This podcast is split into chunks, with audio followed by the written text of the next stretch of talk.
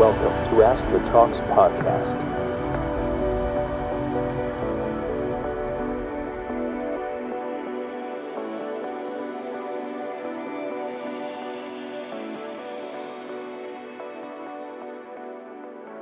විද්‍යාඥයෙක් වෙන්නේ කොහොමද කියන ප්‍රෝග්‍රෑම් එකේ තවත් එපිසෝඩ් එකක් අපි මේ සතියත් මේ විදිර පටන් ගන්න ඉතින් වලට පුළුවන් මේ ප්‍රෝග්‍රම් එක පොඩ්කාස් වර්ෂන් එක Apple podcast Google podcast Spotify කියන ඇප්සලින් අහන්න අද මටත් බොහොම සුවිශේෂී ප්‍රෝග්‍රම් එකක්. මොකද මම ගොඩක් ෆලෝ කරන සයින්ටිස් කෙනෙක් එක්ක තමයි අද අපි කතා කරන්නේ. ඒ තමයි මහාචාරය චන්දිම ගෝමස්. සමහරිට ඔගොල්ලෝ චන්දිමසගේ බ්ලොග් එක කියවල ඇති. මේ සෝශල් මීඩිය වල ගොඩක්ෂයා වෙන ලිපි ගණනාවක් කොහු ලියල තියෙනවා. ඉතිං මේ ඩිස්කශන් එක ෆිසික්ස් කරන කට්ටයට විතරක් නෙමේ වෙන තෝනෙම ෆිල්ඩ එක ගැන කෙමිස්ට්‍රී බයෝලජී ඉංජිනියරිං වගේ ඕනම ෆිල් එකක ස්ටඩන්ස් ලට මේක අනිවාර්යම වැදගත්තේ ඉතිං ඉවරෙනකම් අහන්න කියලා ආරධාන ආරාධන කර ඉන්න ඉතිං චන්දිමසගේ රිසර්ච් ෆිල්ඩ ගැන කතා කරනවා. මේ හයි වෝල්ටේජ් ඉංජිනියරිං එමනත හයි වෝල්ටේජ් ෆිසික්ස් පැත්තේ ලෝකයේ ඉහල පෙළේ විද්‍යතෙක් විදියට සලකන්න පුළුවන් ආචාර චන්දම ගෝමස්. හු දැනට දකුණු අප්‍රිකාවේ ජොහැන්නස්බර්ග් වල විත්ස් යනිවසිටි කියන විශ්වවිද්‍යාලේ මහාචාරවරයෙක් විදිහට සේව කරන ඉතිං චන්දිමස අපේ ප්‍රෝග්‍රම් එකට බොහොම සාදරයෙන් ගෞරුවෙන් පිළිගන්නවා අයිබෝන්. අයිබෝන්.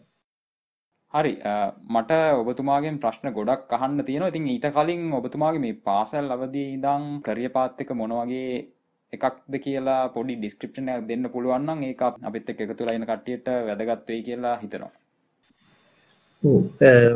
හොඳ යශාන් මං මෙහෙම ප්‍රවේශයක් ගන්නම් මේ කතාවට. දැන් අපි ගොඩක් අය පොඩි කාලේ අපිට හීන තියෙනවා. නමුත් දැන් ඔය හීනවලට අපි යන්නේ කොහොමද? යැවෙන්නේ කොහොමද කියන එක අනුව ගොඩාක් කලාවට කෙනෙක්ගේ අනාගතය තීරණය වෙනවා. දැන් මම බොහොම කෙටියෙන් කිව්වොත් ඉන්න පොඩිම කාලේ මට ලොකු ආසාවක් තිබුණා. ඇත්තටම මේ ඔය මං කියන්නේ අවුරුදු O level කරන කාලේ වෙනකොට ආකියොලොජි කරා. දැන් ඊට කලින් තිබුණා පයිලට් කෙනෙක් වෙන්න හිතන් හිටියා.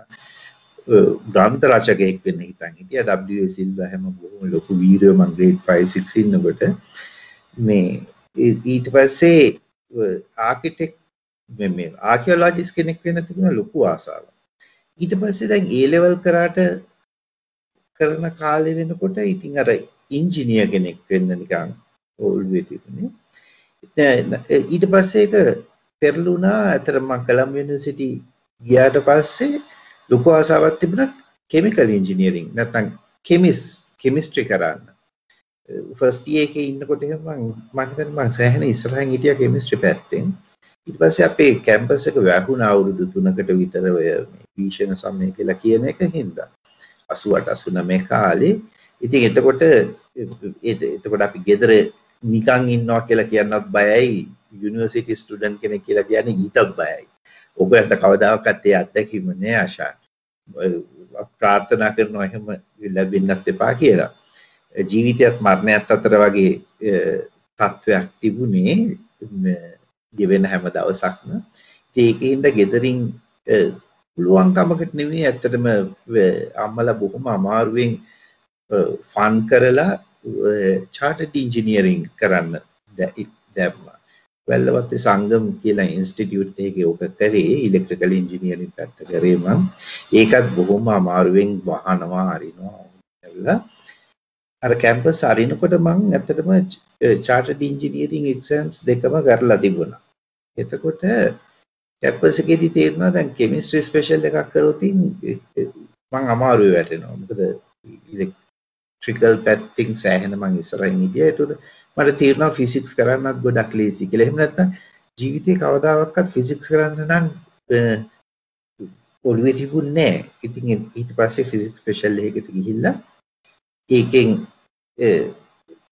පස්සේ PhD එකට මං ගියේ lightning පැත්තට high voltage engineering lightning protection lightning physics thunderstorm physics ඔය වගේ මහා ලොකු complex topics ගොඩක් කරේ. ඊට පස්සේ ඒක කරලා ඉවර වෙනකොට මම ආයිත් ලංකාවට ආවා. කළම්බ යුනිවර්සිටි එකේ ලෙක්චරර් කෙනෙක් විදියට. දැන් එතකොට මම ෆිසිසිස්ට් කෙනෙක් විදියට. ඒ ඒත්තකොට මට තේරුණා ලංකාවේ ඔය මගේ ස්පෙෂලයිස් කර ෆිල්ඩ් එක ලයිට්නින් ප්‍රොටෙක්ෂන් කියන පැත්තේ ලොකු ඉන්ජිනියරින් වැකියුම් එකක් තියෙනවා කියලා. ඉතින් ඒක හින්දා මං ඒ පැත්තට ඉබේටම යොමු වුණා. දැන් ඔය මං ඔය ලයිට්නින් කරන්න ගියෙත් ඒකත් අහම්බයක්.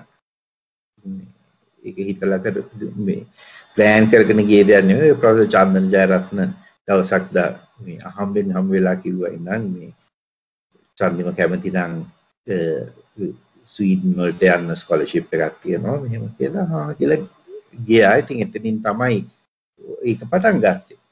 ඊට පස්සේ දැන් ලංකාවේ ඔය ඉංජිනීරින් වැකියුම් එක තියෙනවා දැක්කාම අනිත් එක මම එතකොට චාර්ටඩ් ඉංජිනියර් කෙනෙක් විදියට UK වල රෙජිස්ටර් වෙලා හිටියේ.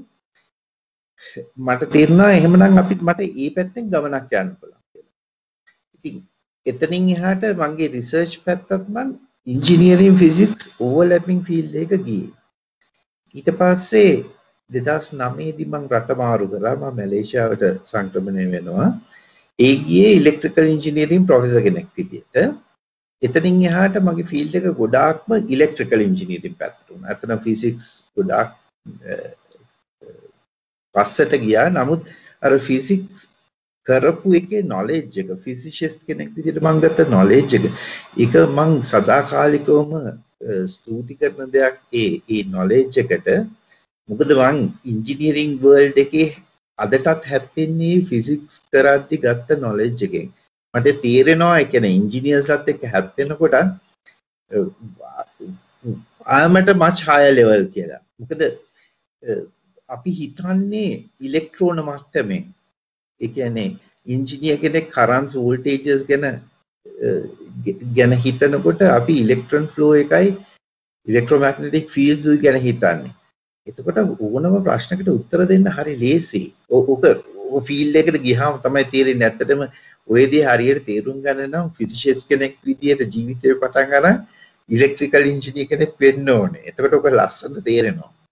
ඉතින් ඊට පස්සේ මම අවුරුදු 10ක් විතර මැලේසියාවේ ඉඳලා ඉලෙක්ට්‍රිකල් ඉංජිනියරින් ප්‍රොෆෙසර් කෙනෙක් විදිහට 2018 අන්තිම කාලේ සවුත් ඇෆ්‍රිකාවලට දකුණු අප්‍රිකාවට සංක්‍රමණය වුණ හයි වෝල්ටේජ් ප්‍රොෆෙසර් කෙනෙක් විදිහට.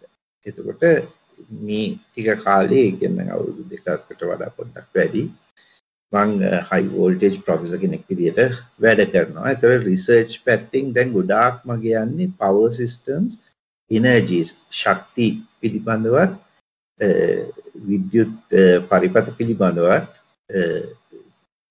අදි වෝල්ගියතා විද්‍යාව පිළිබඳවත් ඒ වගේම අකුණු තාක්ෂණයක් මම තාම මේක මගේ කෝ ෆීල්ඩ් එක ඒකත් කරගන්න බෑ ඒක ඒකත් කරනවා.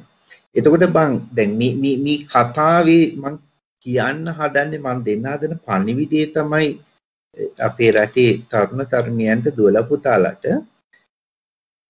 ජීවිතේ මේ ලෝකෙ දැන් මේ කාලේ වෙනකොට මම දකින යථාර්ථය තමයි එක සිහිනයක් ඒම් කරගෙන යන්න හදන්න එපා කියන එක. ඒ කියන්නේ දැන් පොඩි කාලේ හරි මම අනිවාර්යයෙන්ම කෙමිස්ට් කෙනෙක් වෙනවා. නැත්තම් ඉලෙක්ට්‍රිකල් ඉංජිනේර් කෙනෙක් වෙනවා. එහෙම නැත්තම් ඒරෝනොටිකල් ඉංජිනේර් කෙනෙක් වෙනවා. ඒරෝස්පේස් ඉංජිනේර් කෙනෙක් වෙනවා. ඕවා හරි මේ බොහොම චමත්කාරජනක ෆීල්ස් අපි අයට. මම කියන්නේ ඕගොල්ලෝ මොකක් කරත් කරන දේ ඉතාමත්ම හොඳට කරන්න තමන්ට හැකි උපරිම මට්ටමින් කරන්න. ඒ කරන අතරේ තමන්ගේ ඇස් දෙක අරගෙන ඉන්න. You keep your eyes open. එතකොට ඉබේටම තමන්ගේ ෆීල්ඩ් එක එනවා. තමන් ඇස් අරගෙන ඉන්නකොට අදටත් මං කරන්නේ ඒකයි. හැමතිස්සෙම මම මගේ ඇස් දෙක අරන් ඉන්නවා මගේ පැත්තට තියෙන ඔපචුනිටිස් මොනවද කියලා බලන්න. ඔපචුනිටි එක නැත්නම් අවස්ථාවක් ලැබිච්ච ගමන් ඒක ඒක තදින් අල්ලගන්න. ඊට පස්සේ ඒ යන ගමන ඒ ඒ පැත්තට Tamanට පුළුවන් උපරිම විදියට යන්න. දැන් මට හොඳටම ෂුවර් දැන් අශාන් ගත්තොතින් අශාන් දැන් ලේසර් ෆිසික්ස් ඔප්ටික්ස් පැත්ත නේද කරන්නේ. එතකොට දැන් ඔයා මට හොඳටම ෂුවර් සමහර විට ෆස් ඩිග්‍රී ඉවරනකුණුත් වාගේ ඔය ෆිල්ඩ් එකට යන කියලා අයිඩියා එකක් තියෙන නැතුව ඇති. නමුත් දැන් මොකද ඊට පස්සේ අර GRE TOEFL කරලා ඇමරිකා යුනිවර්සිටි එකක් වෙනකොට ඔන්න එකපාරටම chance එක හම්බ වෙනවා. මං කියන්නේ එහෙම හම්බ වෙන පළවෙනි chance එකම ගන්න. ඒ ෆීල්ඩ් එකේ Tamanට හැකි උපරිම විදියට වැඩ කරන්න. එතනදි සාර්ථකත්වයේ තියෙනවා. අනිත් එක තමයි අද ලෝකයේ ඉංජිනේරුවෝ භෞතික විද්‍යාඥයෝ රසායන විද්‍යාඥයෝ එහෙම කියලා වෙන් කරන්න බෑ ඒක මේ ලංකාවේ මිනිස්සු හදාගත්ත කතන්දරයක්. ඔයා රසායන විද්‍යාව කරා කියමුකෝ. ඒ ඒ රසායන විද්‍යාව කරලා නැනෝ ටෙක්නොලොජි පැත්තට ගියා කියලා හිතමුකෝ. ඔයාගේ ජීවිතේ කෙලවර වෙන්නේ නැනෝ ටෙක්නොලොජිස් කෙනෙක් එහෙම නැත්නම් මෙටීරියල් ඉංජිනියර් කෙනෙක් වෙලා. එහෙම නැත්නම් කෙනෙක් කෙමිකල් ඉංජිනියර් කෙනෙක් වෙලා. සමහර ලාට මෙකැනිකල් ඉංජිනියර් කෙනෙක් වෙලා. ඒ වගේම තමයි ඉංජිනියරින් යන කට්ටිය ඉන්නවා. පොඩි කාලේ මං ඉංජිනේරුවෙක් වෙනවා කියලා ලොකුවට හිතාගෙන ඉඳලා ඒ කියන්නේ ඒක ඒක හිතනවා අපි අය ගොඩක් ලොකු දෙයක් කියලා ලංකාවේ තියෙන ප්‍රශ්නනේ ඊට පස්සේ PhD කරන්න ගියාම තේරෙනවා මේ ඉංජිනේරින් කියලා මම පටන් ගත්ත දේට වඩා ලෝකෙ ගොඩාක් ලොකුයි කියලා. අන්තිමට එයා ඉවර වෙන්නේ ඉතා සාර්ථක භෞතික විද්‍යාඥයෙක් වෙලා. දැන් ඔය ලේසර් ඔප්ටික්ස් වලින් එහෙම උඩට ආපු සමහරව බලනකොට මුලින් ඉංජිනේරින් කරලා නමුත් ඒකට පස්සේ කාලෙක තේරලා තියෙනවා. ඊට වඩා ෆිසික්ස් පැත්තේ නැත්නම් ෆිසිසිස්ට් කෙනෙක් වෙන එකේ ලොකු ඇඩ්වාන්ටේජස් තියෙනවා. ඉතින් ඒකයි මම දෙන පණිවිඩය අන්තිමට ඕගලන්ට ලැබෙන අවස්ථාවෙන් උපරිම ප්‍රයෝජන ගන්න සිහිනයක එල්ලිලා ඉන්න නැතුව. එතකොට මං අන්තිමටම දැන් ළඟදී A level කරපු මාක්ස් ආපු දුවලා පුතාලටත් කියන්නේ මතක තියාගන්න ඕගොල්ලෝ ඉංජිනියරින් සිලෙක්ට් වෙලා ඉංජිනියරින් ෆීල්ඩ් එකට ගියොතින් කවදා හරි ඕගොල්ලන්ට ෆිසිසිස්ට් කෙනෙක් හරි කෙමිස් කෙනෙක් හරි වෙන්න ඕන නම් කිසි ප්‍රශ්නයක් නැහැ වෙන්න පුළුවන්. ඒ වගේම ඕගොල්ලෝව ඕගොල්ලෝව සිලෙක්ට් වුණා කියලා හිතන්න ෆිසිකල් සයන්ස් වලට. දුවේ පුතේ බය නැතුව ගිහිල්ලා කරන්න හොඳට කරනවා නම් තමන්ගේ සීමාව අහස තමයි. sky is the limit. මං ෆිසිකල් සයින්ස් කරපු ගැන මම අදටත් හරි සන්තෝස වෙනවා. මොකද නැත්තම් මං අද මේ තත්ත්වයට එන්නේ නැහැ. එකනේ මේ වෙනකොට මම ඉංජිනේරුව පන්දාහක් විතර ලෝකෙ ට්‍රේන් කරලා තියෙනවා. ඉතින් එතකොට මට දැන්න දේ තමයි ඒ ඕන කෙනෙක් එක්ක මට ගැන ඉහළ මට්ටමේ ඉංජිනේරුව එක අපිට ගැටෙන්න පුළුවන් අර භෞතික විද්‍යාව ඉගෙන ගනිද්දි ගත දැනුමත් එක්කලා ඉතින් අද ලෝකේ නැහැ මෙන්න මේ ෆීල්ඩ් එක හොඳයි මේ ෆීල්ඩ් එක නරකයි මේක උසස් මේක පහත් කියලා දෙයක්. ඒවා මේ ලංකාවේ මිනිස්සු හදාගත්ත දේවල්. ලෝකෙ ඉස්සරහට යනකොට තේරෙනවා ලෝකේ අපි හිතනවට වඩා ගොඩාක් ලොකුයි කියලා.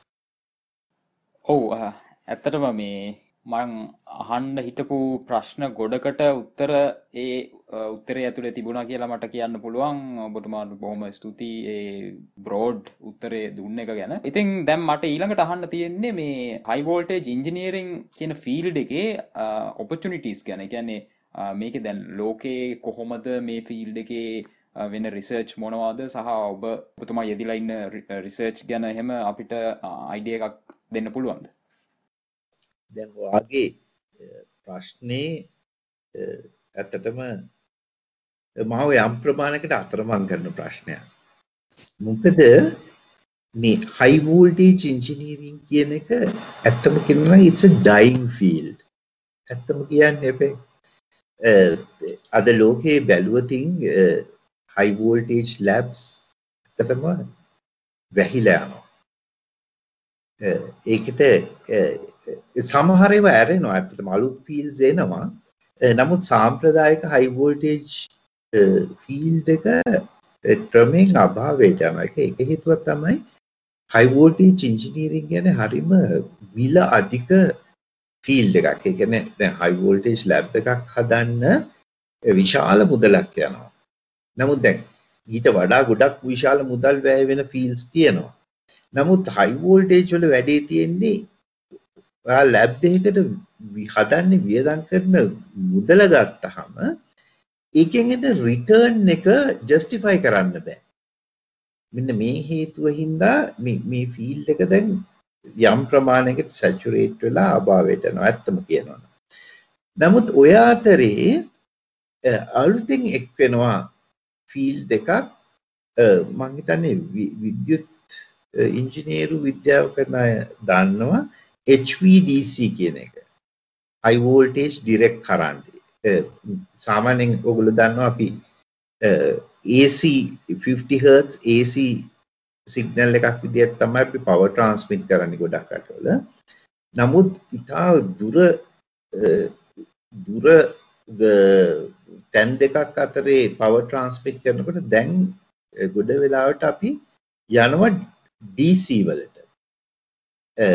Very high voltage DC කියන්නේ කිලෝ වෝල්ට් 800ක් 1500ක් අතර වගේ ප්‍රමාණයකදී අපි DC වලින් ට්‍රාන්ස්මිට් කරනවා. දැන් අප්‍රිකාව දකුණු අප්‍රිකාව බොහොම ඉස්සරහින් ඉන්නවා ඒ අතින්. එතකොට මේ කවුරු හරි කෙනෙක් high voltage පැත්තට එනවනම් මම කියන්නේ HVDC සයිඩ් එක ටච් කරන්න. හැබැයි ලංකාවට මං හිතන්නේ කවදාවත් HVDC අවශ්‍ය වෙයි කියලා. කියන්නේ අපේ රටේ තියෙන දුර ප්‍රමාණය අනුව ගත්තහම මේ HVDC ටෙක්නොලොජි එකේ විශේෂ පෙරලියක් වුණේ නැත්නම් කෙටි දුර සඳහා කියන කිලෝමීටර් 300ක දුරක් සඳහා HVDC පාවිච්චි කරන එක එච්චරම ලාභදායක නෑ. එතකොට ඕක එක ෆීල්ඩ් එකක් මේ පැත්තෙන්. ඊට අමතරව මේ වෙනකොට ලෝකෙ දැන් තවත් රිසර්ච් ෆීල්ඩ් එකක් තියෙනවා මේ හයි වෝල්ටේජ් ලයින්ස් හින්දා. ඒ කියන්නේ ට්‍රාන්ස්මිෂන් ලයින්ස් ගත්තොත් ඒ වලින් පරිසරයට මොන වගේ බලපෑමක් තියනවද කියන එක. දැන් උදාහරණයක් විදිහට ලොකු කතන්දරයක් යනවා හයි ටෙන්ෂන් ලයින්ස් කිට්ටුව ඉන්න අයට පිළිකා හැදෙනවා කියලා, ලිප්පෙමය හැදෙනවා කියලා. නමුත් දැන් ඕ කතාවල් විදියට යන්නේ ඉගැන පරීක්ෂණත් කරලා තියෙනවා නමුත් ඒ පරීක්ෂණ කිසිම එකක් කන්කලූසිව් නැහැ. ඒ කියන්නේ ඒක හරියටම මේකයි කියලා. එතකොට දැන් ඔන්න ලංකාව වගේ රටක ගොඩක් ලේසි මෙහෙම රිසර්ච් එකක් කරන්න. හොඳ පේපර්ස් කීපයක් වුණත් පබ්ලිෂ් කරන්න පුළුවන්. අපි ඉලෙක්ට්‍රෝමැග්නටික් ෆීල්ඩ් මෙෂරින් ඩිවයිස් එකක් ඒ වෙච්චර ගණන් නැහැ. අපිට ගන්න පුළුවන්. ඊට පස්සේ අපිට පුළුවන් නම් ඔය හයි ටෙන්ෂන් ලයින්ස් ළඟ electric and magnetic fields measure කරගෙන ගිහිල්ලා ඊට පස්සේ ඒ ඒ ෆීල්ස් වල ඉෆෙක්ස් බලන්න එතකොට දැන් වෙන ගොඩක් ලෝකෙ රටවල නැති chance එකක් ලංකාවට තියෙනවා මං දන්නේ මේක එතිකලි කොච්චර හරිද කියලා මේක කියන එක. නමුත් දැන් උදාහරණයක් ඇටියට දකුණු අප්‍රිකාවේ ලෙඩ්ඩුන්ගේ රෙකෝඩ්ස් ගන්න ගියොතින් එහෙම නැත්නම් මැලේසියාවේ තව ප්‍රශ්න තියෙනවා UK යුරෝපයේ රටවල් වල ඊට වඩා ගොඩක් වැඩි. ඒක ඉතාමත්ම දුර ගමනක් යන්න ඕනේ. රෙඩ් ටේප්ස් ගොඩාක් තියෙන ක්‍රියාවලියක්. එතකොට ඒකින්ද ඒ වගේ රටක නැත්තම් මේ මං ඉන්න මේ දකුණු අප්‍රිකාව වගේ රටක මෙහෙම මෙෂර්මන්ට්ස් අරගෙන අපිට හිතන්න ඕනි කියලා ඒ ඒ ඒ බෙල්ට් එක දිගට ගෙවල් වල ඉන්න මිනිස්සුන්ගේ මෙඩිකල් හිස්ට්‍රි එක ගන්න. ඒගොල්ලන්ට තියනවාද කියලා වැඩිපුර ලියුකේමියා වගේ ලෙඩ හැදෙන සම්භාවිතාව. ඒක හරි අමාරුයි. නමුත් ලංකාවේ මම දන්න තරමින් මේ වගේ රටවලට වඩා ගොඩක් ලේසි ඔය රෙකෝඩ්ස් ගන්න. ඉතින් නමුත් ඕක ගැන වෛද්‍යවරයෙක්ගෙන් හරියට මහලා දැනගන්න ඕනේ මම දන්න විදියට කරන්න ලේසි ඒක හින්දා ලෝකෙට යම් දැනුමක් දෙන්න තියෙන chances වැඩි. ඉතින් එතකොට කාට හරි බොහොම ලේසියෙන් පුළුවන් බොහොම ලේසියෙන් කියලා මම කියන්නේ compared to other research ඔය ෆීල්ඩ් එකේ ඇත්තටම මාස්ටර් එකක් නැත්නම් PhD එකක් කරන්න කවුරු හරි එහෙම ඉන්ට්‍රෙස්ටඩ් කෙනෙක් ඉන්නවා නම් මට උදව්වක් වුණත් කරන්න පුළුවන්. මගේ දැනුම අනුව ඔන්න ඕක එක ෆීල්ඩ් එකක්. හැබැයි ඔය අතරේ තව එක ෆීල්ඩ් එකක් තියෙනවා. මේක ලංකාවෙන් බිහි වුණා. ඇත්තටම කියනවා නම් ලංකාවෙන් තමයි මුලින්ම රිසර්ච් පේපර් එකක් දෙකක් ආවේ. නමුත් අවාසනාවකට අපි කට්ටියට ඒක ඒක ඉස්සරහට ගෙනියන්න බැරුණා අද ලෝකේ වෙන රටවල් ඊට වඩා ගොඩාක් ඉස්සරහට ගිහින් උදාහරණයක් ඇටියට මැලේසියාවේ. මමම කරා ගොඩාක් රිසර්ච් ඊට පස්සේ දැන් දකුණු අප්‍රිකාවෙත් අපි කරනවා. ඒ මොකද්ද? මම හිතන්නේ ආශාන් දන්නවා දැන් ට්‍රාන්ස්ෆෝර්ම් එකක ඇතුලේ අපි ෆිල් කරනවා කූලන්ට් එකක්. එහෙම නැත්නම් ට්‍රාන්ස්ෆෝර්ම් ෆ්ලුයිඩ් එකක් ඕක ගොඩක් වෙලාවට සින්තටික් ෆ්ලුයිඩ් එකක්. සිලිකන් මිනරල් ඔයිල් කියලා අපි කියනවා. එතකොට මේ මිනරල් ඔයිල්ස් වල තියෙනවා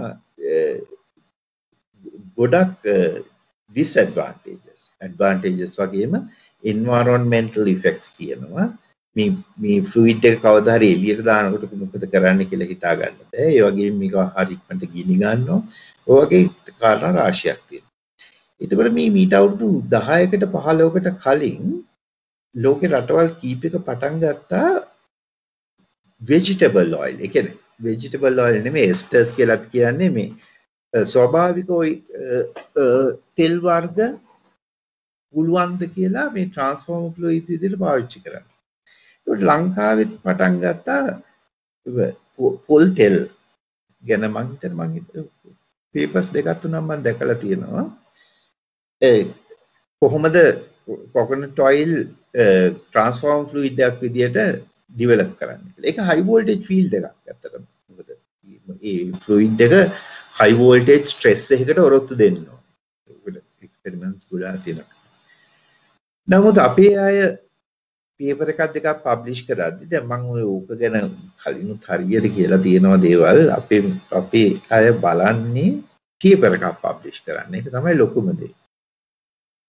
මං හැමදාම කියපු දෙයක් තමයි පේපර් එකක් පබ්ලිෂ් කරන්න බේසික් රිසර්ච් කරලා පේපර් එකක් පබ්ලිෂ් කරන එක නෙමෙයි අපේ වගේ රටක විද්‍යාශයන් කළ යුත්තේ කියන එක. දැන් ඒක හොඳම උදාහරණයක් තමයි ඕක. එතකොට ඔය පොල් තෙල් ගැන ඔහොම රිසර්ච් ටික රිසර්ච් කීපයක් කරලා පේපර්ස් කීපයක් පබ්ලිෂ් කරා මැලේසියා වගේ රටවල් පාම් ඔයිල් වලින් ඉස්සරහට ගියා ගොඩාක් අද වෙනකොට ඇතර මැලේසියාවේ මුලින් පබ්ලිෂ් කරපු පේපර්ස් වලත් රිෆර් කරලා තිබුණේ ලංකාවේ පේපර්ස් ඊට පස්සේ ඒගොල්ලෝ ඒගොල්ලන්ට ලොකු පාම් ඔයිල් අතිරික්තයක් තියෙන රටක්. ලෝකේ වැඩිම පාම් ඔයිල් නිෂ්පාදනය කරන රටවල් කීපෙන් එකක්. එතකොට මැලේසියාව මොකද කරේ? පාම් ඔයිල් වලින් රිසර්ච් කරා කොහොමද පාම් ඔයිල් කන්වර්ට් කරන්න කියලා ට්‍රාන්ස්ෆෝර්මර් ෆ්ලුයිඩ් එකක් විදියට.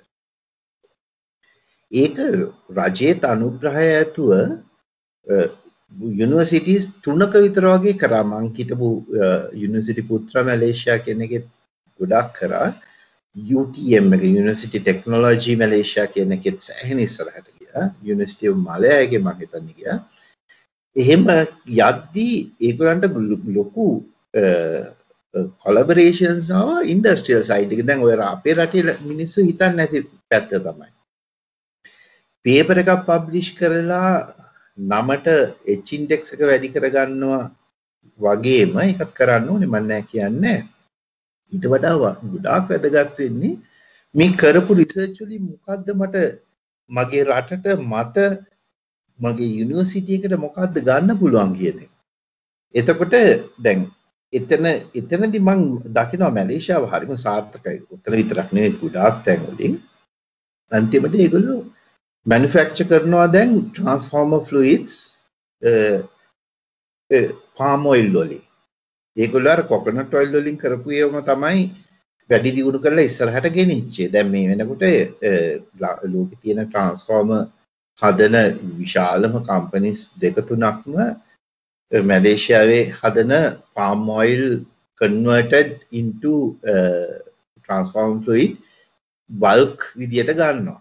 එතකොට දැන් මන් try කරනවා සවුත් ඇෆ්‍රිකාවල ඒගොල්ලෝ පාම් ඔයිල් වලින් එහෙ කරපු එක මෙහි කැනෝලා ඔයිල් වලින් කරන්න. මොකද මෙහි කැනෝලා ඔයිල් සෑහෙන තියෙනවා. ඉතින් දැන් ඔතනදී වැදගත් වෙන්නේ අපි මොකක් හරි රටක ඉන්නවා නම් ඒ ඉන්න රටේ අපිට තියෙන චාන්සස් වලින් උපරිම ප්‍රයෝජන ගන්න. ඔව් ඇත්තටම චන්දිමස ඒ ප්‍රශ්නටත් ලොකු උත්තරයක් දුන්නා සහ අපිට ඊළඟට කතා කරන්න ඕනේ මාතෘකාව ගැනත් පොඩ්ඩක් ටච් කරා මේ ඇප්ලයිඩ් රිසර්ච් ගැන. ඉතින් ලංකාව ඇතුළ ඉඳගන රිසර්ච් කරන ගොඩක් කට්ටිය හිතන්න මේ බේසික් රිසර්ච් ගැන ෆන්ඩමෙන්ටල් රිසර්ච් කරලා මේ ඉස්සරහට ගොඩක් යන්න පුළුවන් කියලා ගැන සයිටේෂන් වැඩි වෙනවා ලොකු ඉම්පෙක් ෆැක්ට එකක් තියෙන ජර්නල් වල පබ්ලිෂ් කරන්න පුළුවන්. ඊට පස්සේ හැබැයි මේ applied science applied physics applied chemistry ඒවගේ සයිඩ්වල ලොකු රිසර්ච් ගොඩක් හොඳ රිසර්ච් කරන කටය තින්න හැබැයි එහෙම කරන එම කරන ස්ටඩන්ස් ලගේ සමහර විට හිතේ තියෙන පුළුවන් මේ ඇප්ලයිඩ් රිසර්ච් කරනකොට ඇප්ලයිඩ් සයින්සස් කරනකොට එච්චරම ඉන්පෙක්් ෆක්ට එකක් නැති ජර්නල් වල තම අපිට මේ පබ්ලිෂ් කරන්න වෙන්නේ. එතකොට සයිටේෂනුත් අඩුවයි කියලා. ඉතිං මේ මේ ප්‍රශ්නට ඔබතුමාට මොක්කර කියන්න තියෙනවා දැන් පළවෙනි කාරණේ තමයි අශාන් අපේ සයන්ටිස්ලගෙන් අහන්න ඕන දෙයක් නැත්නම් සයන්ටිස්ලා තමන්ගෙන් අහගන්න ඕන දෙයක් තමයි අපි මොකටද රිසර්ච් කරන්න කියලා. එතකොට දැන් ලංකාවේ යුනිවර්සිටි එකක් ගත්තොතින් ඇත්තටම මොකටද රිසර්ච් කරන්නේ සයන්ටිස් කෙනෙක් කියන එක ප්‍රශ්නයක්. මොකද හේතුව දැන් දැන් මගේ යුනිවර්සිටි එක ගත්තොත් මං හිතුව මැලේසියන් යුනිවර්සිටි එක ගත්තත් මම රිසර්ච් පේපර් එකක් පබ්ලිෂ් කරොත් මට මගේ ප්‍රොමෝෂන් එකට ඒක බලපානවා. මට අවුරුද්ද අන්තිමට ඉන්සෙන්ටිව් එකක් හම්බ වෙනවා. සෑහෙන ලොකු ගාණක් හම්බ වෙනවා පේපර් එකකට ඊට අමතරව මං පේටන්ට් එකකට යනවා නම් ඊට වඩා ලොකු ගෙවීමක් කරනවා. ඒ පේටන්ට් එක මං කමර්ෂලයිස් කරනවා නම් ඊටත් වඩා ලොකු ගෙවීමක් කරනවා. දැන් මැලේසියාව ඔන්න ඔහමයි දියුණු වුනේ. දැන් ලංකාවේ ඇත්තටම කියනවා නම් සයන්ටිස්ට් කෙනෙක් මොකටද රිසර්ච් කරන්නේ? දැන් එයා රිසර්ච් එකක් කරලා පේපර් එකක් හොඳ ජර්නල් එකක පබ්ලිෂ් කරා කියමුකෝ. අන්තිමට ඒකේ ගේන් එක මොකද්ද? ඉම්පැක්ට් එක යාගේ වැඩි වෙනවා. ඉම්පැක්ට් එක වැඩි වුණා කියලා මොකද්ද තියෙන්නේ? යාට ප්‍රොමෝෂන් එකක් හම්බ වෙනවා. එහෙම නැත්නම් ප්‍රොෆෙස පෝස්ට් එකට බලනකොට ලංකාවේ ක්‍රයිටීරිය එකක් තියෙනවාද මෙච්චර ස්කෝපස් ඉම්පැක්ට් එකකට වැඩි නම් මෙච්චර Google ස්කොලර් ඉම්පැක්ට් එකකට වැඩි නම් මෙච්චර රිසර්ච් ID ඉම්පැක්ට් එකකට වැඩි නම් තමයි ඔයාට ප්‍රොෆෙසර් පෝස්ට් එකට ඇප්ලයි කරන්න පුළුවන් කියලා. එහෙම නෑනේ. දැන් මැලේසියාවේ මං හිතන්නේ මං ඒක නරකකට කියනවා නෙමෙයි ලංකාවේ ප්‍රොෆෙසර්ස්ලාගෙන් මංහිතනේ සියට අසුවකටම බැහැ මැලේෂාව මංහිටපු UPM එකේ ප්‍රවිස පෝස්ටකට ඇප්ලයි කරන්න මොකද ඒගොල්ල ඉන්නනවා ඉම්පැෆෙක්ට් එක දැම් පහලවක් ස්කෝපස් ඉම්පැෆෙක්ට් එක පහළුවක් තියෙන්න ඕනේ මේ ප්‍රොෆෙස පෝස්ට එකට ඇප්ලයි කරන්න. එතකොට ලංකාවේ ප්‍රොෆෙසස් ලක් දැන් ඉන්න අයගෙන් කී දෙනෙක්ට ඉම්පැෆෙක්ට් එක පහලෝකට වඩා තියෙනවා පහළුවක් තිබිට ඉල්ලුවත් ඊට පස්සේ ඒකත් බලන එක තමයි මිනිමම් කොලිෆිකේෂන් ඉතින් එහෙම බැලුවහම මම දකින්නේ ඔය රිසර්ච් කරන එක පබ්ලිෂ් කරන එක ඇත්තටම ගොඩක් සයන්ටිස්ලා කරන්නේ තමන්ගේ හිතසුව පිණිස. කරන්න ඕන හින්දා. එහෙම නැත්තම් වෙන රටකට යන්න බලාගෙන. මොකද අනිවාර්යයෙන්ම ලංකාවේ පිට යනවා නම් ඔය තමන්ගේ රිසර්ච් කැරිය එක බලපාන. එතකොට මං කියන්නේ ඔය තත්ත්වය අනුව තමන් කළ යුත්තේ මොන වගේ රිසර්ච් එකක්ද? එතකොට තමන්ගේ අරමුණ විය යුත්තේ කොහොම හරි පේපර් එකක් පබ්ලිෂ් කරගන්න එකද? ඒකද අල්ටිමේටම් එක. දැන් ඕක ගැන ඇත්තටම සයන්ටිස් නෙමේ හිතන්න ඕනේ. මම දකින්නේ ඒකයි. දැන් මම ලංකාවේ හිටියානම් මමත් හිතන්නේ ওই විදිහටමයි. කියන්නේ මට වෙලාවක් තියෙනවා නම් මම රිසර්ච් එකක් කරනවා මම රිසර්ච් එකක් කරොත් කොහොම හරි දහිරිය දාලා දාලා දාලා කොහේ හරි පේපර් එක පබ්ලිෂ් කර ගන්නවා එහෙම නැත්නම් කොන්ෆරන්ස් එකකට දාලා ඔය යුරෝපේ කොහේ හරි පැත්තක රවුමක් ගහලා එනවා ඕක තමයි හිතන්නේ එතකොට දැන් අනිත් අතට බැලුවහම මැලේෂියා වගේ රටක් ගත්තොත් ඒ රටවල මම මේ උදාහරණ ගන්න දියුණු රටවල් නෙමෙයි. හොඳ ඒ කියන්නේ මේ මේ ලොකුට මේ කන්වෙන්ෂන්ලි දියුණු වෙච්ච රටවල් නෙමෙයි. අපි මැලේසියාව තායිවානය සිංගප්පූරුව සිංගප්පූරුව එහෙම දැන් ගොඩක් ඉස්සරහට ගිහිල්ලා නමුත් මේ සාම්ප්‍රදායික සංවර්ධිත රටවල් නෙමෙයිනේ. දැන් මේ දකුණු අප්‍රිකාව ගත්තත් ඉන්දියාව ගත්තොත් ඒ තියා බංගලාදේශ ගත්තා දැන් ඒගොල්ලන්ගේ යන ගමනේ තියෙන්නේ ඕනම වෙලාවක රිසර්ච් එකකට යොමු වෙනවා නම් ආණ්ඩුවෙන් පුෂ් එකක් දෙනවා ඒ රිසර්ච් එක කමර්ෂලයිසබල් ප්‍රොඩක්ට් එකකට යනකම් ගෙනියන්න. දැන් මැලේසියාවේ අපිට ෆන්ඩින් දෙනකොට ඒගොල්ලන්ගේ නිකන් ටීම් එක තමයි එක රින්ගිට් එකක් රජයෙන් අපි ගන්නවා නම් පර්යේෂණ සඳහා රින්ගිට් තුනක් මැලේසියාවට අපි අම්බ කරලා දෙන්න ඕන කියන එක. එතකොට දැන් ඒ ඒ මෝටිවේෂන් එකේම තියෙන්නේ ඔයා රිසර්ච් කළ යුත්තේ රිසර්ච් එක කරලා පේපර් එකක් පබ්ලිෂ් කරන්න නෙමෙයි පේපර් එක පබ්ලිෂ් කරලා ඊට පස්සේ ඒකට පේටන්ට් කරලා IP ප්‍රොපර්ටිස් වලට මේ ඉන්ටෙලෙක්චුවල් ප්‍රොපර්ටිස් වලට ගිහිල්ලා ඒක කමර්ෂියලයිස් කරලා ඒකෙන් බිස්නස් එකක් විදියට අපිට ආදායමක් ගන්න කියලා. ඉතින් එතකොට එහෙම යන්න නම් අනිවාර්යෙන්ම අපි ඇප්ලයිඩ් රිසර්ච් පැත්තට යන්නම ඕනේ. වාට එක තේරෙනවානේ. එතකොට දැන් ඇයි මම මුලින්ම කියන්නම් ඇයි අපේ වගේ රටවල් මේ බේසික් රිසර්ච් වලට කොටු උනේ කියලා. ඒකට ප්‍රධාන හේතුව තමයි යුරෝපයේ ඇතුළු බටහිර ෆන්ඩිං ඒජන්සිස් වලින් දීපු ගයිඩන්ස් එක. එකැනේ එක්දා සම්සිය හැට හැත්තෑ වෙනකොට ඔය දියුණු රටවලට තේරුණා ඒගොල්ලෝ හැට හැත්තවටත් කලින් මං හිතන්නේ ඒගොල්ලෝ බේසික් රිසර්ච් වලට ෆෝකස් කරගෙන යනකොට ඒක ඉගැන අපිතම සියට අසුවක් සියට අනුවක් බේසික් රිසර්ච් වලට ෆෝකස් කරලා සියට දහයක් විතර නම් ඇප්ලයිඩ් රිසර්ච් වලට ෆෝකස් කරන්න ඒගොල්ලන්ට යන්න පුළුවන් ගමන ගොඩක් අඩුයි කියලා. ඒ වගේම මේ මේ රටවල හියුමන් රිසෝසස් උත් ගොඩක් අඩුයි. එතකොට ඒගොල්ලෝ කරේ ඒගොල්ලන්ගේ රිසර්ච් වලින් 150ක් විතර බේසික් රිසර්ච් ටික දුන්නා අපේ වගේ රටවල් වලට. මතක තියාගන්න දැන්ටත් සමහර තර්ක කරනවා ඇමරිකාවේ මෙච්චර බිලියන් ගානක් බේසික් රිසර්ච් වලට වියදම් කරනවා. ඒක හරි. නමුත් ඒගොල්ලෝ ඇප්ලයිඩ් රිසර්ච් වලට වියදම් කරන ගාන ගත්තොත් ඊට වඩා ගොඩක් වැඩි. අනිත් අතට යුරෝපේ වගේ රටවල් කරේ ඒගොල්ලන්ගේ බේසික් රිසර්ච් ටික බෙදලා දුන්නා මේ රිසර්ච් ගෲප්ස් කියලා දාලා ෆන් කරලා අපිට බේසික් රිසර්ච් කරලා ඒගොල්ලන්ට ඉන්ෆර්මේෂන් ටික දෙන්න කියලා. ඕක තමයි ඔය හැම හැම රිසර්ච් ටීම් එකම කරන්නේ. එතකොට අපේ මිනිස්සු ගොඩාක් මහන්සි වෙලා යුරෝපේ මිනිස්සෙක් යුරෝපියෙක් දවසකට පැය 8ක් වැඩ කරනවා නම් අපේ මිනිස්සෙක් යුරෝපෙට ගියාම වැඩ කරනවා පැය 16ක්. මාදයක් විලුව. අපි එහෙමයි කළේ.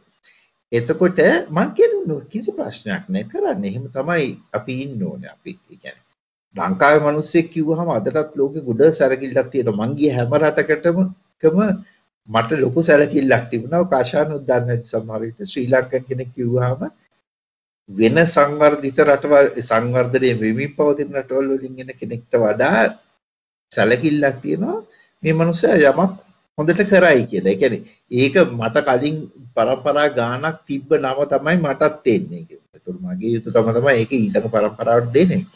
නමුත් හොඳයි කියන එකේ තේරුම මොකක්ද? අපි පුළුවන් තරම් මහන්සි වෙලා රිසර්ච් කරලා ඉවලින් පේපර්ස් පබ්ලිෂ් කරනවා ඩේටා බෑන්ක්ස් හදනවා ඩේටා හබ්ස් හදනවා අපි ඒක පාවිච්චි කරලා ඒ සංවර්ධිත රටවල කට්ටිය මොකද කරන්නේ? ඇප්ලයිඩ් රිසර්ච් එජ් එකට ගිහිල්ලා එතනින් ප්‍රොඩක්ට් එකකට ගිහිල්ලා අන්තිමට ඒ හදන ප්‍රොඩක්ට් එක අපේ රටවලට වේවනවා. උකට මට උදාහරණ ගණනාවක් දෙන්න පුළුවන්. මගේ ෆීල්ඩ් එකෙම නමුත් මම එච්චර දුර යන්නේ. දැන් උදාහරණයක් හැටියට අපි හිතමු අපිට රිසර්ච් ගෲප් එකේ අපිට රිසර්ච් ෆන්ඩින් හම්බ වෙනවා. ඇපටයිට් කියන ෆර්ටිලයිසර් එකේ බේසික් ප්‍රොපර්ටිස් හොයන්න හිතන්න නෝවේ වලින් අපිට ෆන්ඩිං දෙනවා අපේ රිසර්ච් ගෲප් එකකට. එතකොට අපි දැන් ලංකාව වගේ රටක ඇපටයිට් ගොඩක් තියෙනවා. අපි ඇපටයිට් ටික විශ්ලේෂණය කරලා ඒ ඇපටයිට් වල තියෙන කෙමිකල් ප්‍රොපර්ටිස් මොනවාද ෆිසිකල් ප්‍රොපර්ටිස් මොනවාද ඉලෙක්ට්‍රිකල් ප්‍රොපර්ටිස් වගේ තියෙනවා නම් ඒවා මොනවාද ඔය ඔක්කෝම අපි හොයනවා හොයලා ඉවරලා අපි හොඳට මතක තියාගන්න කිසි අවුලක් නැතුව පේපර්ස් පබ්ලිෂ් කරන්න පුළුවන්. එතකොට අපි හිතමු නෝර්වේ වල රිසර්චර්ස්ලා තුන් දෙනෙක් ඉන්නවා. මේ රිසර්ච් ගෲප් එකට ඒගොල්ලෝ තමයි සල්ලි දෙන්නේ ෆන්ඩ් කරන්නේ. අපි හරි සන්තෝෂයි අපිට සල්ලි හම්බ වෙනවා කොන්ෆරන්ස් එකකට යන්න පුළුවන්. නෝර්වේ වලට ගිහිල්ලා මාස ගාණක් ඉඳලා එන්න පුළුවන්. ඔහොම ගොඩක් දේවල් හම්බ වෙනවා. එතකොට අපි අපිට ඉක්විප්මන්ටුත් හම්බ වෙනවා එතකොට අපි මේ ඇපටයිට් ටික අරගෙන ඒක විස්ලේෂණය කරලා ඒකෙත් ඒකට අදාළ හැම දෙයක්ම කරනවා නමුත් ඕගලන්ට තේරෙයි කොයි වෙලාවකයි මම මගේ අත්දැකීමෙන් කියන්නේ මගේ ෆීල්ඩ් එකෙන් ඔගොල්ලෝ ඒ නෝවේජියන් ගෲප් එකට ඒ ෆන්ඩ්ට කිව්වොතින් හරි මේ ඇපටයිට් කොහොමද uh, water soluble, uh, readily usable fertilizer එකක් කරන්නේ.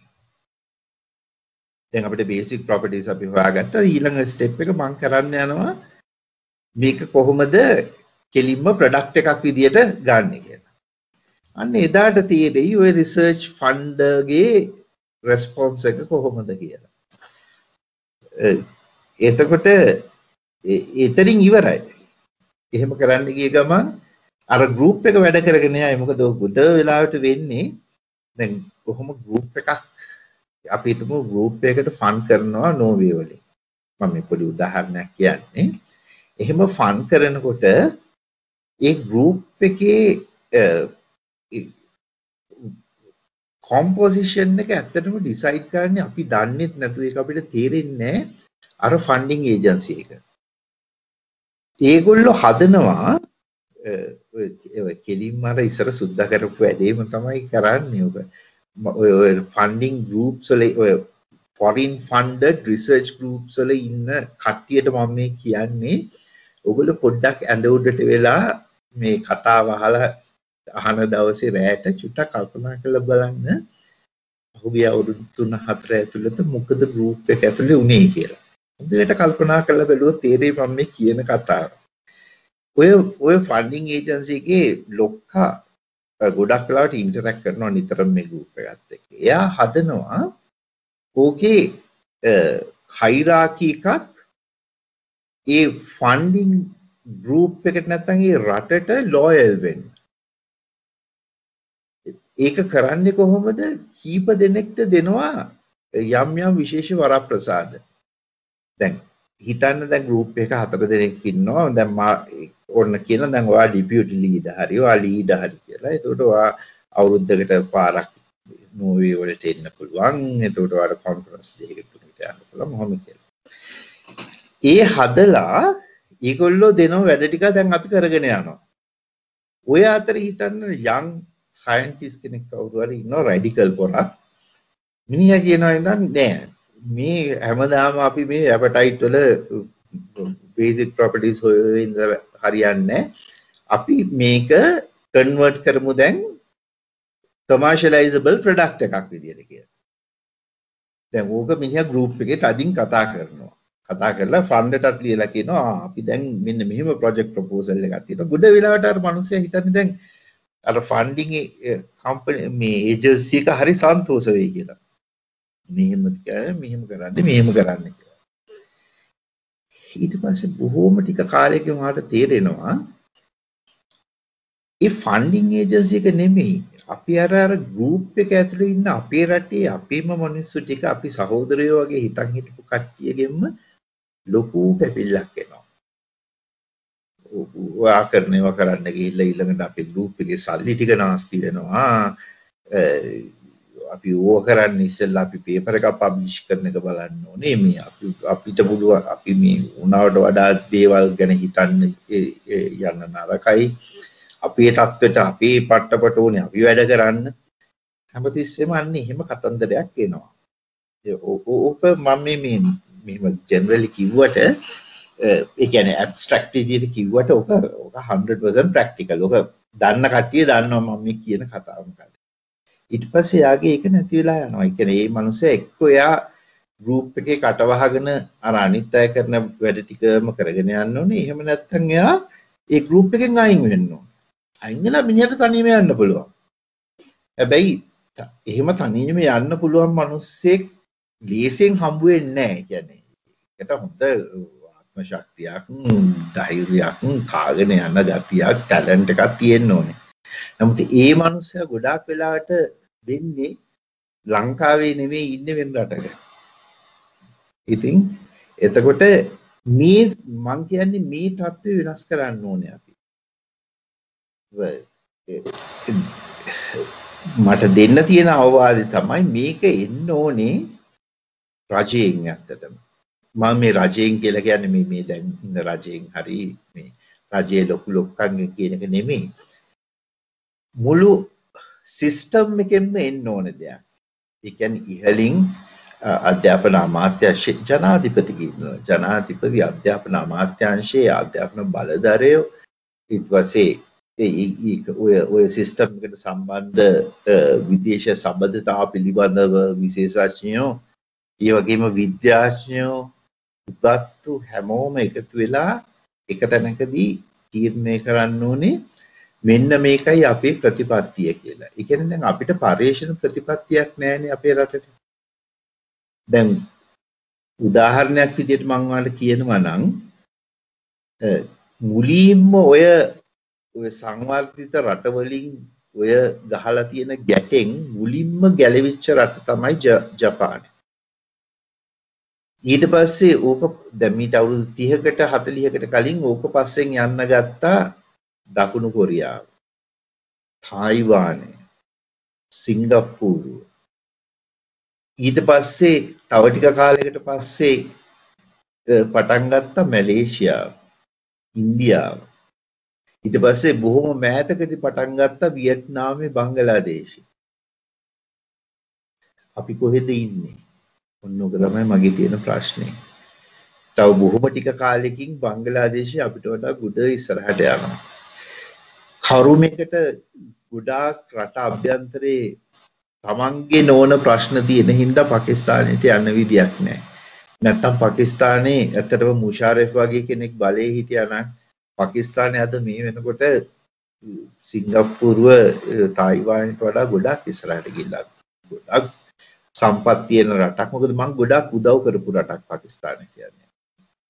නිතරම ඉස්සර යන රටක්.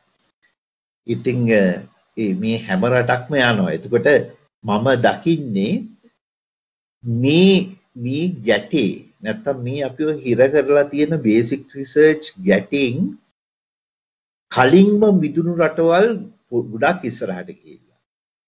ඒ මිදෙන්න කල් ගත වෙච්ච ගත වෙච්ච රටවල් ඊට වඩා පොඩ්ඩක් පස්සෙන් යන්නේ. දැන් අපි එහෙම ගැටේක අහුවෙලා කියලාවත් හිතන්නේ නැහැ.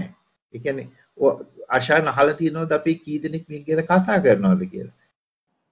ඔව් සර් ළඟදී මේ මම දැක්ක බ්ලොග් පෝස්ට් එකක් කියලා තියෙනවා සෝෂල් මීඩියා වල ෂෙයා වෙලා තියෙනවා මේ ලංකාවේ තියෙන කරවල වලින් වුණත් අපිට මේ රිසර්ච් එකක් කරන්න පුළුවන් කියලා. ඉතින් අපි ද අපේ දැන් මේ ප්‍රෝග්‍රෑම් එක බලන කට්ටියට ඒක පොඩ්ඩක් එක්ස්ප්ලেইন කරලා ඉන්නවද? කොහොමද මේ අපි කරවල වලින් වුණත් uh, රිසර්ච් එකක් කරලා හයි ඉම්පැක්ට් ජර්නල් වල පබ්ලිෂ් කරන්න පුළුවන්කමක් තියෙන්නේ කියලා.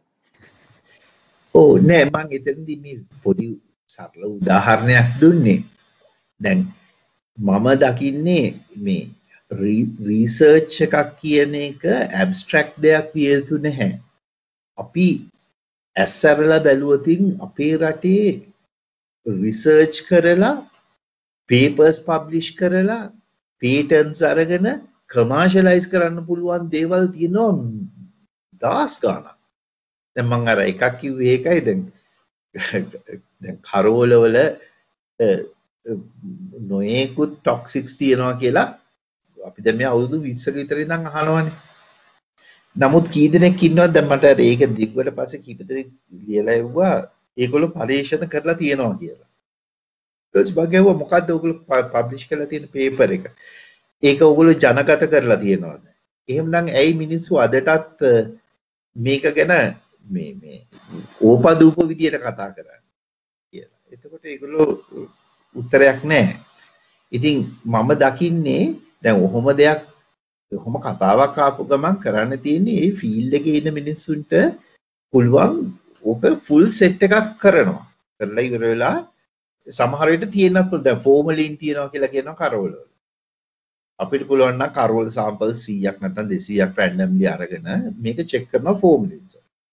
ඊට පස්සේ ඒක චෙක් කරලා ඒකේ රිසල්ට්ස් ටික අරගෙන ඒ රිසල්ට්ස් ටික ලාච්චු ඇතුලේ තියාගෙන ඉඳලා වැඩක් නැහැ. ඒක ඒක ඇත්තටම ඊට වඩා හොඳ ඒක නොකර ඉන්නේ.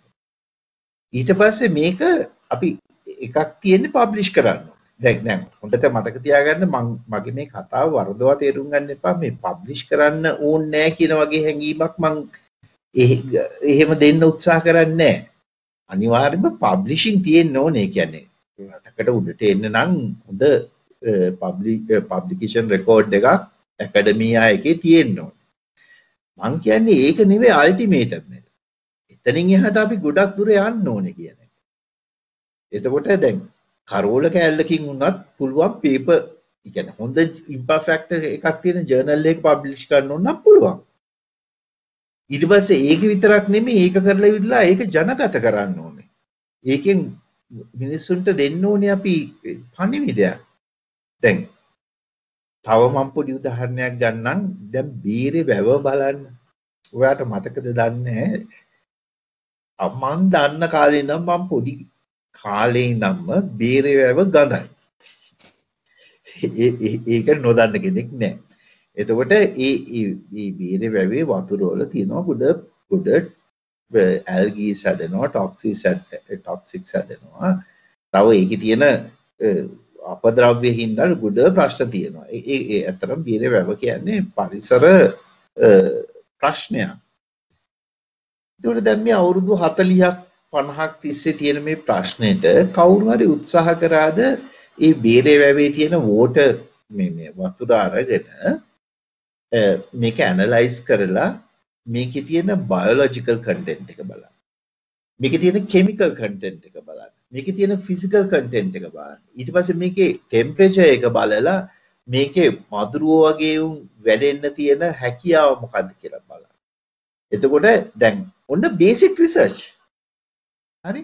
එතකොට බේසික් රිසර්ච් වලින් විතරක් බේරේ වලින් විතරක් බේරේ වැවෙන් විතරක් පේපර්ස් පහක් දාන්න පුළුවන් කිසි අමාරුවක් නැතුව. හරි. ඊළඟ ස්ටෙප් එක මොකක්ද? ඊට පස්සේ අපිට හොයාගන්න පුළුවන් නම් ඇල්ගී මොකක් හරි මේ මේ අහිතකර ඇල්ගී එකක් හැදෙනවා නම් මොකද මැලේසියාවේදී අපි ඔක මමත් යම් ප්‍රමාණයකින් සම්මාදම් වුණා අපි කරා ලොකු රිසර්ච් වගේ. ඇල්ගී වලින් ඊට පස්සේ පෙට්‍රල් හදන්න මේ ඩීසල් හදන්න ගත්තා බයෝෆුවල් ඔය ඇල්ගී වලින් අපිට ප්‍රයෝජනයක් ගන්න පුළුවන්ද? ප්‍රයෝජනයක් ගන්න බැන්නම් ඒක නැති කරලා දාන්න පුළුවන්ද? හැදෙන්නේ නැති වෙන්න. ඊට පස්සේ කෙමි කෙමිකල්ස් තියෙනවා නම් ඒ කෙමිකල්ස් එක්ස්ට්‍රැක්ට් කරගන්න විදියක් තියෙනවද? හෙවි මෙටල්ස් තියෙනවද? හෙවි මෙටල්ස් එක්ස්ට්‍රැක්ට් කරගන්න පුළුවන් එහෙම කරලා අන්තිමට අපිට පුළුවන් මේ බේරේ වැවේ තියෙන වතුර ටික සාමාන්‍ය වැවක තියෙන වතුර මට්ටමට ගේන්න. එහෙම කරා නම් එතනම තියෙනවා ලොකු ටුවරිසම් ඉන්ඩස්ට්‍රි එකක්. එතන තියෙනවා ට්‍රාන්ස්පෝර්ටේෂන් පොසිබිලිටි එක. ඉතින් මම දකින්නේ ඒකයි. ඒ රටේ ගොඩ දේවල් තියෙනවා. අපිට S2 අරන් හිටියොතින් පේපර්ස් පබ්ලිෂ් කරන්නත් පුළුවන්. එතනින් එහාට ඒකෙන් රටට ලොකු යහපතක් කරන්නත් පුළුවන්. ඉතින් මං කියන්නේ එතනට යන්න කියලා හැම කෙනෙක්ටම කියන්නේ රිසර්ච් ෆීල්ඩ් එකේ ඉන්න ඕන කෙනෙක්ට කරන්න ඕන තරම් රිසර්ච් ලංකාවේ තියෙනවා. මහා විශාල වියදම යන්නේ නැතිවත් තියෙනවා. ඒ වගේම තමයි ලංකාවේ රිසර්ච් ගරුප්ස් වල ඉතාමත්ම අඩුවෙන් පාවිච්චි කරපු ගොඩ වටින යන්ත්‍ර සූත්‍රත් හරියට තියෙන. සමහර ඒවා කබඩ් එකකින් එළියට අරන්නේ අවුරුදු ගාන. ඒවා යුටිලයිස් කරන්න මන්නම් දකින්නේ එතනයි රටේ දියුණුව තියෙන්නේ හැමතිස්සෙම ආණ්ඩුවකට බැන බැන ඉඳලා වැඩකුත් නැහැ. ඔව් අනිවාර්යෙන්ම ඉතින් අපි දැන් ප්‍රෝග්‍රෑම් එකේ එන්ඩ එකට තමයි ඇවිල්ලා ඉන්නේ චන්දිමස අපේ ප්‍රෝග්‍රෑම් එක එකතු වෙලා ඉන්න ඒලෙවල් ලෝලෙවල් කරන කට්ටියට සහ මේ විශ්වවිද්‍යාල ඉන්න කට්ටියට පනිවිඩයක් දෙන්න තියෙනවා නම් මේක තමයි ඒකට හොඳම අවස්ථාව. පලවෙනි පණිවිඩේ තමයි මට දෙන්න තියෙන.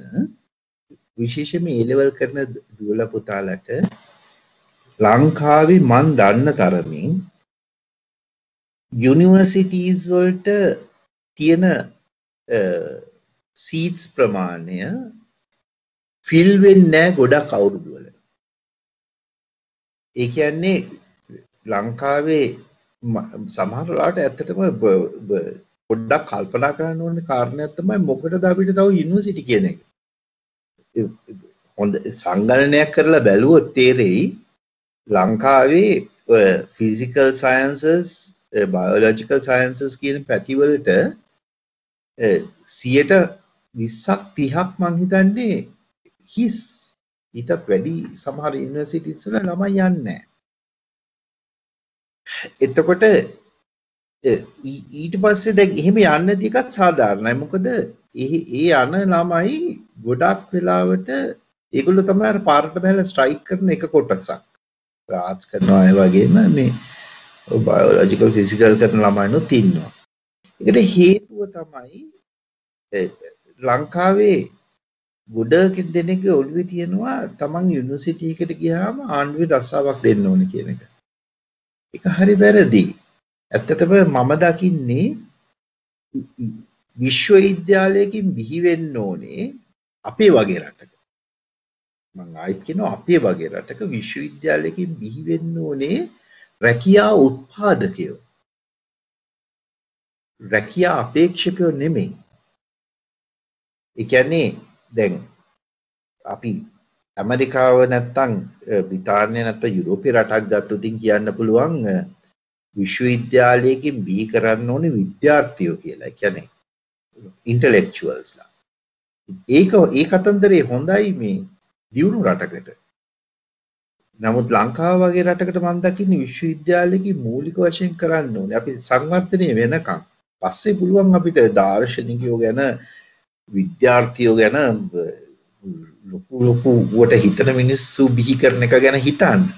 නමුත් ඊට කලින් වැදගත්ම දේ තමයි අපි අපි රැකියා උත්පාදකයෝ බිහි කරන්න ඕනේ විශ්වවිද්‍යාලේ. රැකියාව අපේක්ෂකයෝ නෙවෙයි උත්පාදකයෝ. ඒ කියන්නේ ඔය ඔය සරසවියකින් බිහි වෙන පිට වෙන සිසු සිසුවියන්ගෙන් 110කට පුළුවන් නම් දහ දෙනෙකුට රැකියා දෙන්න. එක්කෙනෙක්ට පුළුවන් නම් දහ දෙනෙකුට රැකියා දෙන්න. අර පාස් අවුට් වෙන අයගෙන් 110කට ලංකාවේ රැකියා ප්‍රශ්න ඉවරයි. උගතුන්ට රැකියා ලැබෙන එක ඒ ප්‍රශ්නේ ඉවරයි. මම හිතන්නේ ඒක තමයි වෙන්න ඕනේ.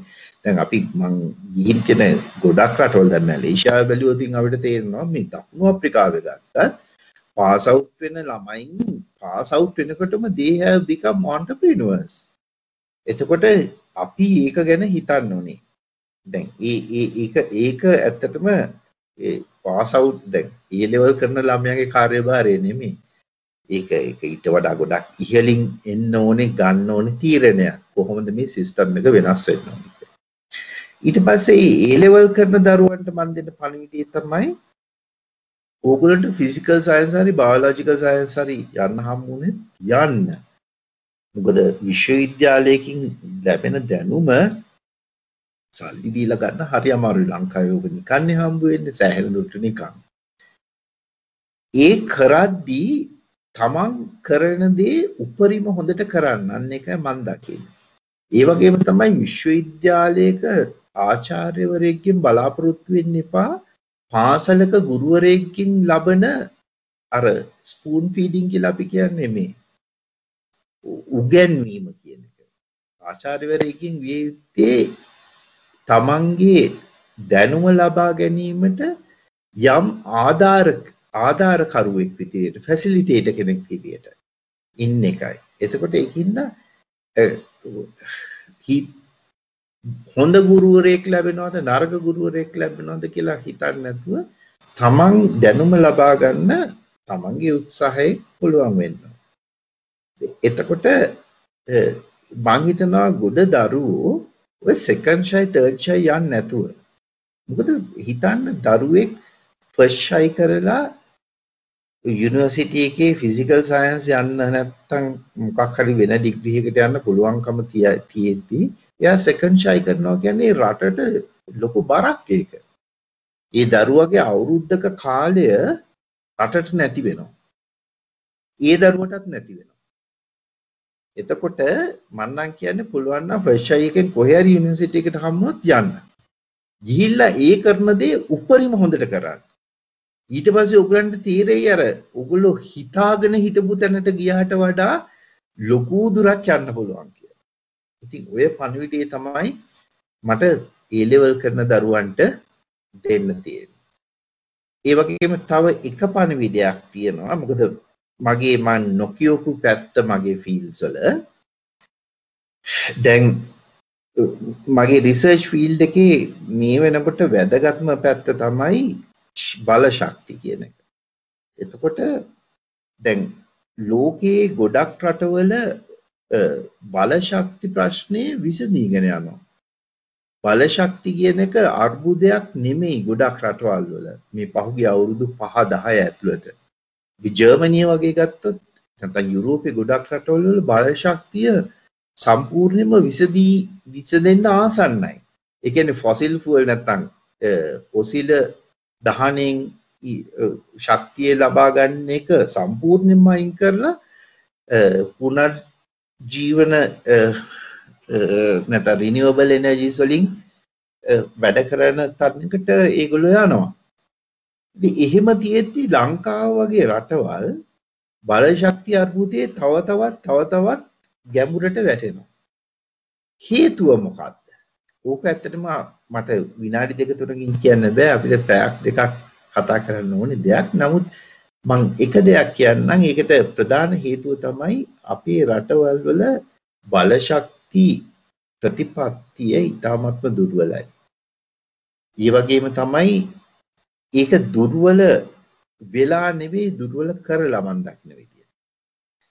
එතකොට මේ වෙනකොට ලෝකේ සූර්ය බල ශක්තිය වගේම තව ගොඩක් දේවල් තියෙනවා බල ශක්තිය කොළ හරිත බල ශක්ති විදියට මේ මෙච්චරකල් කළු බල ශක්ති විදියට තිබිච්ච කියන බ්ලැක් එනර්ජි සෝසස් දැන් ග්‍රීන් එනර්ජි සෝසස් කරන්න පුළුවන් තත්ත්වයකට ඇවිල්ලා තියෙනවා. එතකොට අපිට පුළුවන් නම් අපේ රිසර්ච් ෆීල්ඩ් එකක් ඩිවෙලොප් කරගන්න එක පැත්තකින් ග්‍රීන් එනර්ජීස් දැන් ඔය සෝලා පවර් වගේ එකක් ඉස්සරහට ගෙනියන්න. ඒක ගොඩක් ඉස්සරහට ගිහිල්ලා තියෙන්නේ ඇත්තටම අපිට පුළුවන් ලොකු ඉහළම තැනකින් පටන් අරන් යන්න. ඊළඟ කාරණේ තමයි හයිඩ්‍රජන් ඉකොනොමි කියන එක. නැත්තම් හයිඩ්‍රජන් ආර්ථිකය කියන එක දැන් බොහොම තදින් කතා වෙන දෙයක්. කොහොමද රටක් හයිඩ්‍රජන් කියන බලශක්තිය මත ගොඩ නගන්නේ කියලා. ඕක ගැන අපිට ගොඩක් කතා කරන්න ඕනේ. නමුත් මම බොහොම කෙටියෙන් කියන්නම්. දැන් උදාහරණයක් හැටියට ගල්ලඟුරු බලාගාර ගැන විශාල විරෝධයක් ඇති වෙනවා. ඒකට හේතුව උගේ අර කාබන් ෆුට් ප්‍රින්ට් එක වැඩි කියලා. ඒ අතරෙම ගල්ලඟුරු කියන්නේ ඊටාත්ම අඩු වියදමක් යන ඉන්ධනයක්. ලෝකේ තියෙන ඉන්ධන වලින් ඊටාත්ම අඩුම මුදලකට ගන්න පුළුවන්. එතකොට ගල් අඟුරු වල වියදම අඩුයි. නමුත් ගල් අඟුරු වලින් පිට වෙන කාබන් දහනයේදී පිට වෙන කාබන් ප්‍රමාණය ගොඩක් වැඩි. එතකොට බොහෝම සරලව හිතන්න පුළුවන් අපිට රිසර්ච් එකක් කරන්න පුළුවන්ද මේ ගල් අඟුරු වලින් පිට වෙන කාබන් ප්‍රමාණය අඩු කරගෙන ශක්තිය ගන්න කියලා. ඔන්න ඔතනදී එනවා ඉඳන් ওই කාබන් ගැසිෆිකේෂන් කියන එක. අපිට පුළුවන් ගල් අඟුරු ගෑස් එකක් බවට පත් කරන්න. එතනදී ඔය සින් ගෑසස් කියලා අපි කියනවා එළියට එන ටිකට ඒකේ හයිඩ්‍රජන් කියන එක හයිඩ්‍රජන් සහ මීතේන් බොහොම වැඩිපුර ලැබෙන ගෑසස් දෙකක්. එතකොට ඕකෙන් හයිඩ්‍රජන් අරගෙන හයිඩ්‍රජන් වලින් එතනින් එහාට ලොකු ආර්ථිකයක් තියෙනවා. හයිඩ්‍රජන් වලින් අපිට සාමාන්‍ය ඉන්ධන වලින් කරන හැමදේම කරන්න පුළුවන්. පොඩි කන්වර්ෂන් එකක් විතරයි කරන්න ඕනේ. එතකොට අපිට පුළුවන් නම් රටේ මොකක් හරි අපි විශ්වවිද්‍යාලයක කාබන් ගැසිෆිකේෂන් මම එක උදාහරණයක් විතරයි කියන්නේ කාබන් ගැසිෆිකේෂන් රිසර්ච් ගෲප් එකක් හදා. අපේ රටේ කාබ මේ කෝල් ගැසිෆිකේෂන් කරන්න කෝල් නැහැ. ඒක ඇත්ත. නමුත් අපිට කෝල් ගෙන්නන්න පුළුවන් වෙන රටක. එතකොට මොකද දැන් ස්විට්සර්ලන්තේ චොක්ලට් හදන්නේ කොකෝව හැදෙන හින්දා නෙමෙයි. වොචර්ස් හදන්නේ අපිට යකඩ හම් වෙන හින්දා නෙමෙයි.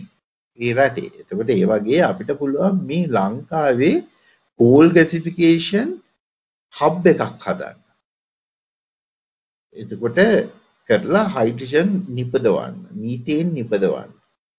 ඒකෙම පුළුවන් පුළු ලංකාව බලශක්තිය අර්බුදය විසඳන්න ඒ විතරක් නෙවෙයි විශාල විදේශ විනිමයක් ලබා ගන්න. මොකද අපිට ඉන්දියාවෙන් ගල් අඟුරු ගෙන්නන්න පුළුවන්, දකුණු අප්‍රිකාවෙන් ගල් අඟුරු ගෙන්නන්න පුළුවන්, ඕස්ට්‍රේලියාවෙන් ගෙන්නන්න පුළුවන්.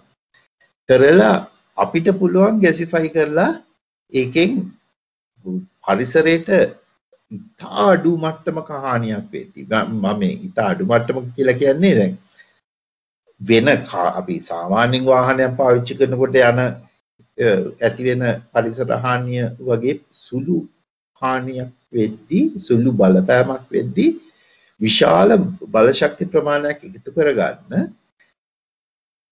ඒකෙන් පුළුවන් රට ගොඩ ගන්න. එතකොට අධිෂ්ඨානය තමයි ඔතන තියෙන්න ඕනේ. ඒ වගේම මනා කළමනාකරණයක් ඕනේ.